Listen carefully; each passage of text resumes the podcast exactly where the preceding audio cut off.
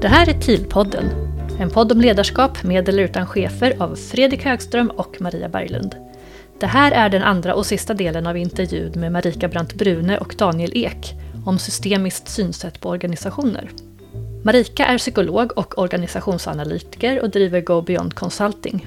Daniel Ek är biolog och har mångårig erfarenhet som ledare inom olika myndigheter. Och tillsammans jobbar de med vad de kallar för systemisk coachning och systemisk utveckling. Så nu till intervjun med Marika och Daniel, där vi kommer in i samtalet där jag just ställt frågan Men hur gör ni då? När ni kommer in i en grupp och ser att det finns något som skaver, en elefant i rummet eller något som ingen vill ta i. Vad gör ni för någonting då? Ett, ett sätt att göra är ju att försöka förstå det som sker i gruppen. Vad är det som sker i den här gruppen? Hur kommunicerar de? Hur relaterar de till varandra? Hur, hur, hur pratar man? Vilket språk använder de? Mm. Så det är något sätt att faktiskt analysera gruppen utifrån ett rad, en rad olika parametrar. Och sen så faktiskt presentera det här materialet i form av arbetshypoteser. Det vi tror pågår i den här gruppen det är till exempel, vad ska jag ta, att ni har fastnat i, i ett sånt här tänkande och vi stöder den här, det här med ett antal, ja vi har sett det här och vi har sett det här och vi har sett det här. Men det är en arbetshypotes. Så att eh, vi bjuder ju in gruppen då att tänka kring, ja men stämmer den här hypotesen eller är vi helt fel ute mm. genom att titta på Nej, men det finns andra iakttagelser. Så att egentligen är det en analys utav gruppen innan vi, innan jag, eller vi börjar förstå vad är det jag ska kunna börja rycka i eller titta på. Ja just det. Och hur gör du det? Är du mer, alltså, sitter du mer som en liten fluga på väggen? Är det det som är... Eh, är, är ja, det så ni gör förstudien liksom? Eh, nej men då pratar jag med människor i organisationen eller kanske flyter runt i där de är och kanske är med på någon möte och, och, och bara observerar och, och sammanställer materialet med kanske 10-12 arbetshypoteser om vad som präglar deras arbete just nu. Och det kan vara väldigt, väldigt starkt. Eh, därför att det handlar ju om hur de, hur de agerar. Jag skulle till exempel träffa en ledningsgrupp och då hade jag gjort en sån här analys. Och en av de, de starkaste hypoteserna var att ledningsgruppen, eh, att man inte var en, en tight grupp utan man hade sin, ja, sin egen agenda. Man var inte överens utifrån det gemensamma syftet och man drog lite olika, alltså man drog åt olika håll. Okej, okay, och det är en ganska tuff eh, hypotes att ta om man jobbar i en ledningsgrupp, tänker jag. Och sen skulle jag på det här mötet och träffa alla för att presentera mitt, mitt arbete. Jag sitter ensam i ledningsgrupper i rummet kanske en 5-10 minuter innan folk börjar trilla in. Och sen är det någon som säger ja men vad, det här är ju ett extra inkallat möte men vad är det vi ska ta här nu då? Och eh, men vad, vad, vad ska du göra? Då säger jag men jag har kartlagt det här och jag ska presentera mitt, mitt, material och därför är jag här. Och sen kommer någon annan in i den här gruppen som inte ens, ens är med i ledningsgruppen och sätter sig. Och så tänker jag, ja men hur kommer det sig att du är här? Ja men det var någon av de andra medlemmarna som tyckte att det var bra för mig att höra det här. Och då det som jag har satt samman i den här arbetshypotesen, det gestaltar sig här och nu just genom deras sätt att bete sig. Så jag säger, nej men Ja, den här första hypotesen är en dysfunktionell ledningsgrupp. Och bara de här tio minuterna som vi har haft här bekräftar den hypotesen. Ni vet inte varför ni kommer idag, alla är inte här, någon kommer som inte ska vara här och eh, några vet inte vad det här mötet handlar om. Så det blir ju liksom att, att sammanställa den typen av information och sen presentera det för dem. Och då blir det jobbigt. Mm. Jag tänker en sak som du gör väldigt bra ofta också. Det är att du lyfter upp det som sker i rummet. Mm. När vi sitter i grupper. Och faktiskt uttalar det som sker i rummet. Ja. Och det blir ju otroligt starkt i en grupp. För det är ju ofta sånt som ligger lite under ytan som man inte pratar om i vanliga fall. Och så kommer du liksom och säger det rent ut. Det, det får ju folk att få hicka liksom. Och det är jättebra. Och det här var ett sånt exempel då. Du satt där Ja. och så kom det in de här tre olika kommentarerna. Vad brukar du få för reaktion då? Nej men dels kan ju en del börja skratta. Eh, och, men, men, men, men när de har landat lite så är det, ja men gud, det, här, det är ju sant. Kanske några försök till att förklara sig men sen i slutändan så tycker jag alltid att det landar ner. Men jag försöker också hjälpa dem genom att säga, ja men alltså det här är min bild. Jag säger inte att det är så här. Så här har jag uppfattat er. Och ni kanske uppfattar er på ett annat sätt och låt oss titta på det då. För att då är det liksom, då, då vill jag ha era iakttagelser på motsatsen. För då stämmer ju inte den här hypotesen. Så det blir ändå, det blir inte att jag värderar det på något sätt utan mer lyfter fram att det här har jag iakttagit. Och det här får ju, om den här hypotesen stämmer, så blir ju det någonting i den här organisationen som sprider sig på olika nivåer. Att vi inte har en liksom ledningsgrupp som står och håller arbetet och som är trygga. Utan att det här, det här är lite High Chaparral. Och här kommer ju lite med det här grupptillhörigheten in då. För att man pratar ju ofta om i traditionell ledarskapsutveckling och, eh, och litteratur så pratar man ju om eh, vilken roll man har i en ledningsgrupp. Och då skriver man ju väldigt tydligt liksom, att rollen man har i en ledningsgrupp att, är att vara eh, en del av ledningsgruppen men på något sätt representera sin egen verksamhet. Eh, och det skriver man på lite olika sätt. Mm. Men, men här blir det ju ett problem och det är ju så uppenbart tycker jag i alla ledningsgrupper jag har varit i också. Att man har väldigt svårt att förhålla sig till hur man är representant för sin egen verksamhet men samtidigt är lojal i ledningsgruppen som grupp. För att man tillhör inte ledningsgruppen som grupp. Eller det är sällan man identifierar sig med den som grupp. Utan man identifierar sig mer med sin egen verksamhet. Och då funkar ju inte ledningsgruppen. Men menar du då att det är inbyggt i oss? Vi kan bara tillhöra en grupp? Så, Nej, att, det, nej. så att det här är kört? Nej, jag tror att vi säkert kan tillhöra, tillhöra flera grupper. Men, men vi måste förstå hur det funkar i sådana fall. Nej, men det, om jag får bygga på Ja, det du säger det. där så, så är det ju så att jag är så förknippat med den egna enheten jag leder, eller hur? Ja. Så när jag kommer till ledningsgruppen så har jag svårt att släppa min roll i ett annat sammanhang. Det för ledningsgruppen, det uppdrag du har i ledningsgruppen är att tillsammans med verksamhetschefen ta ansvar och jobba fram en strategi eller ta beslut på en övergripande nivå. Och det är ett rollskifte där som är, som är ganska tydligt. Du leder din egen avdelning men sen går du in som, som, som en, en medarbetare nästan i en ledningsgrupp där uppgiften är att hjälpa till att styra och leda den här organisationen på, ett övergripande, på en övergripande nivå. Så att eh, det blir inte intressant egentligen att du sitter och representerar din egen avdelning. För då har vi alla andra som sitter också där och representerar sin egen avdelning. Och då blir det liksom inte ett övergripande beslut. En duktig chef ska kunna säga att nej men jag ser att den här gången får jag stryka på foten. Eller jag får minska ner min egen enhet. Därför att hela organisationen vinner någonting på det här. Och jag, jag förstår det och jag gör det. Men, men det förutsätter ju att man har haft det här samtalet om vad det gemensamma uppdraget är. Att man är hyfsat överens om den bilden. Och att man Ja. jobbar för det. Och, och det är ju det som strukturerna i övrigt då gör sönder den möjligheten. Eftersom du ska samtidigt hålla din budget, du ska samtidigt jobba med din personal på ett visst sätt.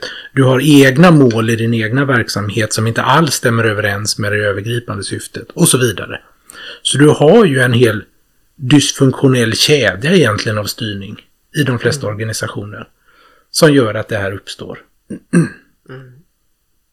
Så, så ja, men det är därför jag är rabiat emot liksom Den här strukturen. För det, den, den, den är så svår att få ihop. Man måste jobba med den. Jag brukar tänka så här att strukturer, det ska ju stötta det man vill uppnå. Men det får ofta resultatet istället att det styr det man vill uppnå. Och när strukturer styr, då blir det fel. Strukturer ska bara stötta. Men det är så enkelt att låta strukturer stötta, eller styra. För då kan du skylla på strukturen. När någonting går fel kan du säga, ja, våra rutiner var fel, vi ska se över dem. Det var inte rutinerna som var fel. Det var det ni gjorde som var fel. Men du tar liksom bort ditt eget ansvar.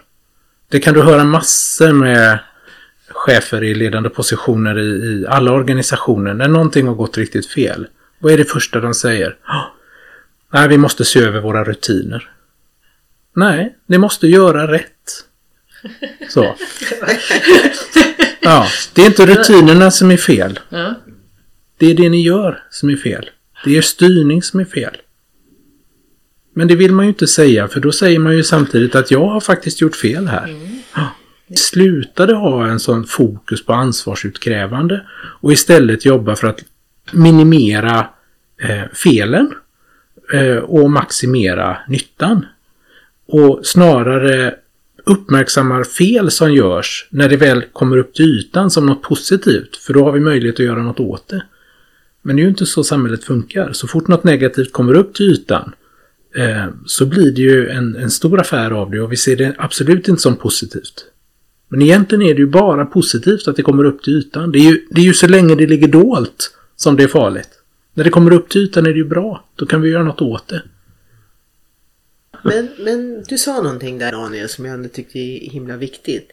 Det är ju när vill jag ta ansvar och när vill jag inte ta ansvar? Eh, och hur kan vi skapa organisationer där vi, när med, medarbetare vill ta ansvar? Det är ju där liksom potentialen ligger. Ja. Att skapa förutsättningar att, eh, ja, vad vi nu än gör. Eh, och, och jag tänker att ett, ett av de här systemiska instrumenten är ju att faktiskt jobba med människor på det sättet genom olika frågor. Stödja dem i att vilja ta ansvar. Du är en del av den här organisationen och ni kan göra en enorm skillnad.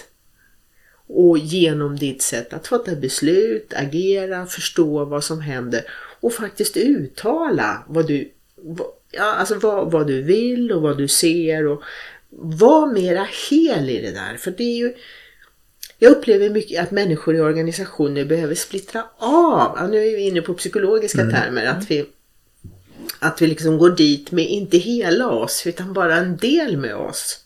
Av oss. Som passar in. Så gör vi som vi alltid har gjort eller det här funkar. Men tar vi med den här mer emotionella biten. Att faktiskt vilja göra skillnad och våga stå upp.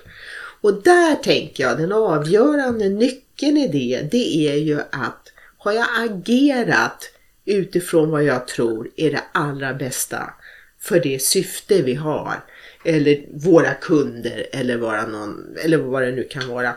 Då kan jag ändå vara trygg i mig själv. Oavsett om jag har kringgått vissa grejer då, så har jag gjort det här med det här syftet. Och det, det du säger är ju egentligen, man, man skulle kunna säga det i tre ord vad som behövs. Alltså det behövs, man, man måste begripa. Man måste få möjlighet att kunna hantera. Och man måste känna en meningsfullhet i det man gör. Alltså de tre sakerna är ju jätteviktiga för att du liksom ska kunna göra ett bra jobb. Och må bra i det. Ehm, Jag brukar använda mig av de tre orden ibland för att liksom förstå, okej, vad, vad är det som händer egentligen? Var, var brister det? Så. För, för det är ju liksom huvudsyftet i en organisation, att få varje människa att bli så bra den någonsin kan bli. Mm.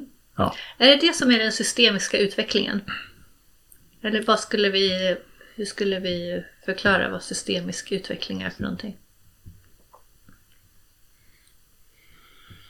Ja, men är det inte att använda de förutsättningar som finns på bästa möjliga sätt ur ett helhetsperspektiv? Ta vara Ja. på våra inneboende krafter. Som vi har när vi jobbar tillsammans. Men vi har ju också instinkter. Jag menar det här med att göra nytta för andra. Det är ju också en instinkt. Det är ju någonting vi vill. Kan vi lyssna på det så kan vi ju skapa en annan kraft. Mer än att liksom positionera oss eller bara tänka min ruta. Ja. Och sen tänker jag att det systemiska utvecklingsperspektivet är att vi alla tillhör system oavsett vad vi vill eller inte. Men definitionen är ju att vi som jobbar mot samma syfte eller samma mål, vi är ett system. Och sen kan man för att förstå ett systems kraftfält drivande krafter eller hindrande krafter så behöver vi gränsa av den gentemot kontexten. Men i princip är ju vi alla levande människor över denna jord ett, hel, ett helt system. Mm. Men så har vi massa små system som vill åt olika håll. Så att... Eh, Strukturer som vill åt olika håll.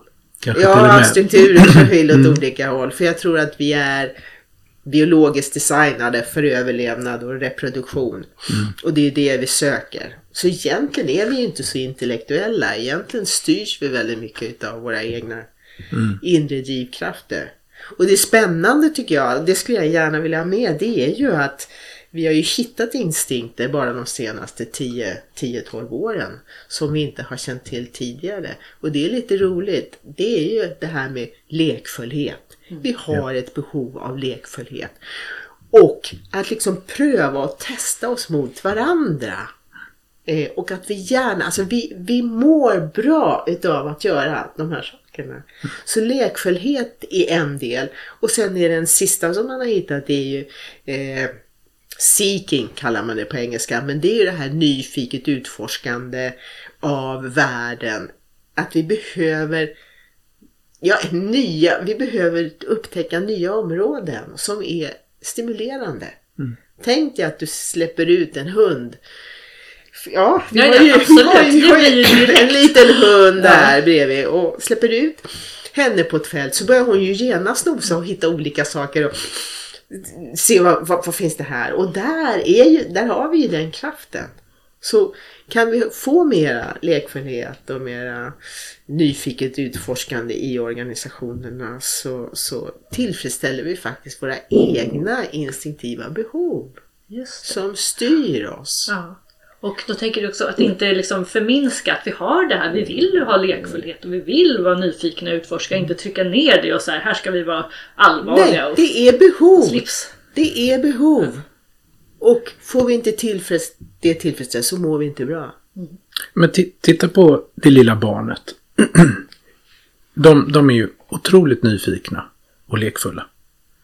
Men allt eftersom de växer upp så rutas de in i ett system som motverkar nyfikenhet och lekfullhet. Vi tittar ju snett på de människor som är väldigt nyfikna och lekfulla ofta. De är lite udda, lite annorlunda. Inte minst kan man säga det om konstnärer. Är inte de lite annorlunda? Lite udda? Jo, det är de ofta i samhället. Och vad beror det på? Jo, det är för att de är väldigt nyfikna och lekfulla. Eller varför inte innovatörer av olika slag, alltså folk som uppfinner saker. De tänker i helt andra banor. De har behållit sin nyfikenhet och lekfullhet. Jag tror att vi skulle kunna hitta mycket stöd i konsten i vanliga organisationer. Att förstå hur man jobbar med kreativitet eh, inom konsten för att kunna använda det i en organisation för att bli bättre. Jag själv upplever det. Jag själv håller på med en del eh, konst. Eh, när jag var chef så slutade jag nästan helt med det. Ehm, och jag började strax efter att jag lämnade chefskapet. Och jag märkte hur jag blev mycket mer kreativ. Hittade saker jag inte hade förstått i mitt chefskap och så. När jag jobbade med konsten som som eh, medel. Så du pausade liksom ditt egna skapande när du gick in i chefsrollen? Och... Ja, det blev mer och mer paus allt eftersom mm. chefskapet åt upp mig. Så. Och det tror jag inte alls är positivt. Nej, det låter ju som att... Nej, ja. den, men, men, men det är ofta det som man får höra, alltså mina chefskollegor. Jag, jag har fått mycket underliga kommentarer, men bland annat en kommentar som, som jag har tänkt på många gånger. En, en eh, erfaren kollega som en gång sa till mig precis när jag var ny chef. Så sa han, ja, nu måste du ju tänka på Daniel att du får ju inte vara rolig längre som chef. Nej, gud, skulle det säga. Alltså, ja, men jag, jag, tänker liksom, vad, vad, vad, vad, gör det med en människa när man hör det? Och vad är det för bild som man får av ett chefskap när man liksom inte får ha humorn som, som liksom en del av sig? Här sitter vi åtta timmar om dagen. Ja. Och, och någonstans känner jag att det där är ett, ett problem. För vi har en bild av ledarskap som är, som är helt galen. Eh, de bästa chefer man kan hitta i världen, det är inte de som är precis som våra ledarskapsprogram och ledarskapskriterier vill. Utan de bästa cheferna i världen är helt annorlunda. Mm. Det är de som är mest uppskattade, det är de som gör mest, det är de som uppnår mest. Mm. Och ändå håller vi fast vid en bild av chefskap och ledarskap som som är traditionell och som egentligen inte finns något fog för. Mm. Ja, men, och ja, det, det, tror jag verkligen också. Just det här med, med, vi pratar om den här att det är så gynnsamt för den personen som eh, har inställningen att ah, men jag vill dit, hur ska jag bete mig för att komma dit? Det är ju den som också blir rekryterad. Ja. Till att vara chef. Mm. Och det är helt fel person att rekrytera in. Mm. För det är inte den som kommer att göra bäst jobb. Nej, inte för systemet. Nej. Sen finns det någonting som vi inte har pratat om som jag tror också är avgörande. Det är ju att vi föds ju som cirkulärt tänkande. Vi förstår ju världen utifrån att ta in den. Barnet stoppar i munnen. Mm. Alltså vi, vi försöker kategorisera mönster och, och, och liksom skeenden och förstå eh, liksom världen på ett annat sätt. Eh, och sen, men, men sen är vi ju, vi har ju prioriterat det logiska tänkandet med klara orsakssamband hela tiden. Och det finns ju väldigt mycket i organisationer. Så att det här lite mer att förstå vad som sker under ytan och sådär. Nej, nu har vi riggat upp det här på något sätt. Så jag tror att vi plågas av vårt linjära tänkande. För det gör att vi kommer längre och längre bort från oss själva. Vi har andra saker i oss och kan vi lyfta fram det, kan det få finnas parallellt med varandra, så gud vad mycket vi skulle vinna och hur mycket bättre skulle vi inte må, tänker jag. Det största problemet, tänker jag, är att vi har vi bygger organisationer utifrån ett linjärt tänkande, ett maskinellt tänkande. Alltså många organisationer Alltså vi, vi lever ju kvar där med taylorismen och, och, och hur vi strukturerar. Och det, eh, och det tror jag skadar oss. Det, det, är inte vårt naturliga sätt att jobba. Utan där hade man ju andra förebilder. Att man skulle ha kontroll, vem skulle vara på sin plats och så, och så vidare. Och än idag pratar vi ju om, om verktyg som en mm. illustration över att organisationen faktiskt är en maskin. Men vi kan ju så mycket mer. Det är det som är problemet. Att få fram. Mm. Men för en sak som jag tänker på det är ändå lite så här för att, för att bli konkret och förstå. För att det är alltid så här, ja men resonemang är så här, ja absolut vad härligt. Det, det låter ju rimligt och det köper jag. Men sen mm. om man då kommer hem till sin kontext på jobbet och så mm. bara, hur ska det här tillämpas nu? Vad är det för vad har, har ni någonting att skicka med till oss som lyssnar nu och säger ja, men jag skulle verkligen vilja ha mer helhetstänk i mitt yrkesutövande eller i mitt team? Det är en jättebra fråga. Eh, det som är den stora svårigheten tycker jag, det är ju att man har blivit så mycket en del av sitt sin egen struktur och sitt eget system. Så det är väldigt svårt att zooma ut och titta från på, på den egna verksamheten. Eh, för man har blivit lite blind. Mm. Man har blivit, man ser inte riktigt. Så det råd jag skulle ge det är ju att skicka in några eller också samla ihop dem, några som är nyanställda. Alltså vad ser ni verkligen av det vi gör? Vad är det vi inte ser? Så att det finns ju en, vi har ju en systemblindhet där vi faktiskt inte kan zooma ut riktigt. Därför att vi är så inne i det på något sätt. Så egentligen ta gärna hjälp och, och, och någon som kan visa eller, ja, eller zooma ut tillsammans och se och ställa frågorna. Men varför gör ni så här? Mm. Och hur rimmar det med ert syfte? Vilken funktion fyller det? Vilken funktion fyller de här fyra dokumenten som en doktor behöver fylla i? Och hur, många, hur, hur, hur mycket använder vi det egentligen? Mm. Eller är det bara ångestdämpande ifall att någon, mm. någonting skulle hända? Eller om vi använder hela den här tiden till att läkare träffar mera patienter, var skulle vi landa då någonstans? Så få hjälp att sortera och, och, och ta bort det där som lever kvar men som inte längre har en funktion för organisationen. Och, och sen är det ju det att omvärlden förändras hela tiden. Så att vi behöver ju hela tiden uppdatera oss vad som sker, utifrån vad som sker utifrån organisationen. Eh, men ibland så är det bekvämt att hålla kvar. Och då blir vi ju ifrånkörda eller vi hamnar i bakvattnet eller vi... Ja, jag, jag, tänker att det är en, en sak som man faktiskt kan göra väldigt konkret och enkelt. Det är att ta kontakt med de kunder, brukare, medborgare, vad man nu har. Ta kontakt med dem och prata med dem på riktigt.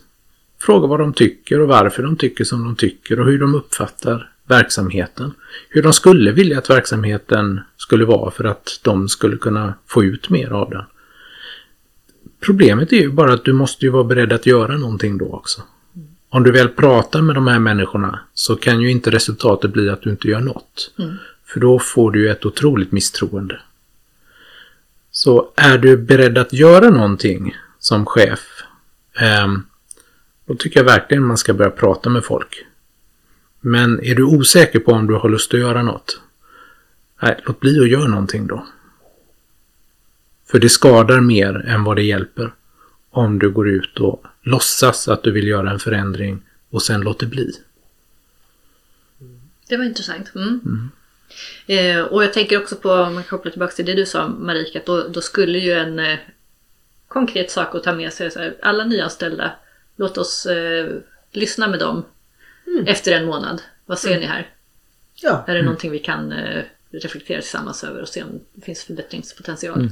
Mm. Men även där måste du ha inställningen då att du faktiskt tar hand om det som de nyanställda säger. Mm. Annars kommer du få en jättenegativ... Alltså om, om du samlar de nyanställda och låter dem prata om vilka erfarenheter de har och komma med förslag och så. Och det sen inte blir något. Då blir du snabbt av med de medarbetarna. De kommer ju lämna det här sjunkande skeppet fort. Så kommer de gå någon annanstans. Där de får mer gehör för sina tankar. Så återigen, är du inte beredd att göra något? Jag gör ingenting då. Sen är det ju att vi lever ju i en, en, en, Det händer ju otroligt mycket, det går ju väldigt snabbt. Så att ibland är vi så pressade, organisationer är ju så pressade och då går vi ju ner i konen på något sätt och då är det jättesvårt att ha det här perspektivet. För då blir det ju en stark drivkraft bara jag får bort det som är på mitt skrivbord. Och då är det en väldig kraft att följa de här rutinerna och allt som vi har. För då har jag gjort mitt. Så att ta det här steget, kliva upp därifrån och titta. Ja men gör vi verkligen rätt saker? Eller finns det andra lösningar? Och ibland upplever jag att de som söker sig till oss, det kan vara många olika, men ibland är det organisationer som har försökt och försökt och försökt. Och där det börjar brännas. Eh, som verkligen, ja men vi, vi prövar det här. Och då, går det, och då är man så pass öppen därför att eh, man måste lösa någonting. Mm. Mm. Eh, så, och då är man beredd att prova det här sättet. Då kanske man har kört ja, andra mallar från andra områden och det inte har funkat. Och då säger vi, nej men då, då, då, då satsar vi på det här som en sista utväg. Lite grann så. Och, där, och, och det, är ju, det är ju oerhört roligt att få vara med i en Vad provar man sån- igenom då? Vad är, vad är det för andra mallar som är steg ett och två innan man landar hos systemisk? Nej, men man kanske coachning. har... Ja, men, risken är ju, tycker jag, att många företag de, de, de tittar inte vad som finns i sin egen organisation. Både av mönster och kraftfält och vad det nu kan vara. Utan man, man letar efter en metod som man plockar från en annan kontext i något annat sammanhang. Och sen trycker man ner den i sin egen organisation. Men inte liksom låter utvecklingen växa fram tillsammans i den organisationen. Så man prövar egentligen metoder som kanske är designade för helt andra områden. Jag tror att man behöver titta på det. hela. Ja, men absolut. Vi behöver titta på vårt eget system. Vi behöver förstå vad vi vill leverera. Hur vår kontext ser ut. Och hur vi ska göra störst nytta för dem vi är till för. Alltså, det, det är ett arbete man måste göra. Men eh, det måste göra lite ont tror jag innan man är villig att göra det arbetet. Utan man vill, Måste det man- också göra ont medan man gör det? Eller finns det någon sån naturlag? Eh, Ja, ska du svara då. Ja men, i, i, ja men i början gör det nog ont. det, det, det är smärtsamt att se att man har traskat på på en stig som inte leder någon vart. Och, och det gör ont. Och det är ju som jag sa tidigare lite med den här sorgprocessen. Eh, men sen skapar det också en enorm kraft i slutändan. Så att det är aldrig någon som har sagt att nej nu gick vi fel. Utan snarare att man känner sig mera rustad Mm. för att ta tag i de utmaningarna som kommer. Men då har man också ändrat förhållningssätt. Man har jobbat fram någonting som är mera sitt eget. Då. Mm. Men då har man ju tagit tag i utmaningarna själv, inte Ja. köpt in. Ja, Ja. Nej, och jag, jag återkommer till det jag sa i början. Att alla metoder som försöker förklara en komplex värld är ju alltid fel. Och det stämmer ju också överens med alla de metoder och verktyg som vi försöker köpa in i organisationer för att snabbt och enkelt lösa våra problem. De är alltid fel. Eftersom de kan inte lösa ett komplext problem. finns inga verktyg och metoder ehm, som är byggda för det. Eftersom de, de förenklar allt och så fort du börjar förenkla något så funkar det inte på det komplexa. Ja, Vi hade, faktiskt, jag kan referera tillbaka till, vi har ett, eh, ett eh, avsnitt om enneagrammet. Som eh, vi börjar med, alla, alla modeller är fel, några är användbara. Här är en användbar modell. Ja, nej men så är det. Så det är väl kanske så man ska se det med då. Ja. Nej men så tänker jag att vi har ju, vi har ju inte konkreta modeller så, men vi har ju ändå perspektiv som vi erbjuder. Så att vi är ju inte ett verktygshåll, gör så här. Nej. Men vi lyfter in, om vi tittar från det här hållet, om du ställer dig på den kullen och på den här kullen. Ja. Så Och jag tror det är det som är så intressant för att de här, eh, det här samtalet, nu har vi suttit länge. Ja. Eh, jag ska inte säga hur länge för vi kanske klipper bort lite men vi har, längre än vad vi brukar sitta. Och det är lite svårfångat och det är det som är så intressant för att på vissa, vissa grejer så här, ja, men det, här, det är den här konkreta modellen, det är det här konkreta, det här kan du ta med dig och det är alltid nyttigt att, att få lite input på vad man skulle kunna göra. Men det här är mer abstrakt, det är inte någonting som man bara, okej men nu Eh, nu går jag hem och tittar på systemet, då vet jag exakt hur jag, hur jag ska göra. Utan det krävs ganska mycket för att kunna se. Nej men det systemiska sättet det är ju verkligen att vara hela tiden vara flexibel för det som sker, både innanför och utanför organisationen. Och det måste man vara beredd att anpassa sig till, tänker jag. Så risken är ju att vi stelnar. Men det vi försöker göra är ju att lyfta in olika perspektiv som kan hålla oss levande i det här systemet. Ja. Och där vi kan eh, liksom flyt, eller jobba med det som sker utanför. Och också jobba med det som vill växa fram i organisationen utifrån det syfte som vi har. Och vi vet att det ger enorma effekter. Om vi lyckas. Och jag tycker bara din beskrivning där Marika, det är såklart, alltså vad härligt det skulle vara. Man vill inte vara någonstans där det stelnat, man vill vara någonstans där det lever. Ja. Det är självklart. Vi vill leva, vi vill vara i levande grupper och vi vill vara i levande organisationer. Mm. Det är samtidigt, och vi längtar efter också att prata om det som är viktigt och vara nära samtidigt som det finns få saker som också skrämmer oss så mycket som den närheten. Tusen tack. Tack.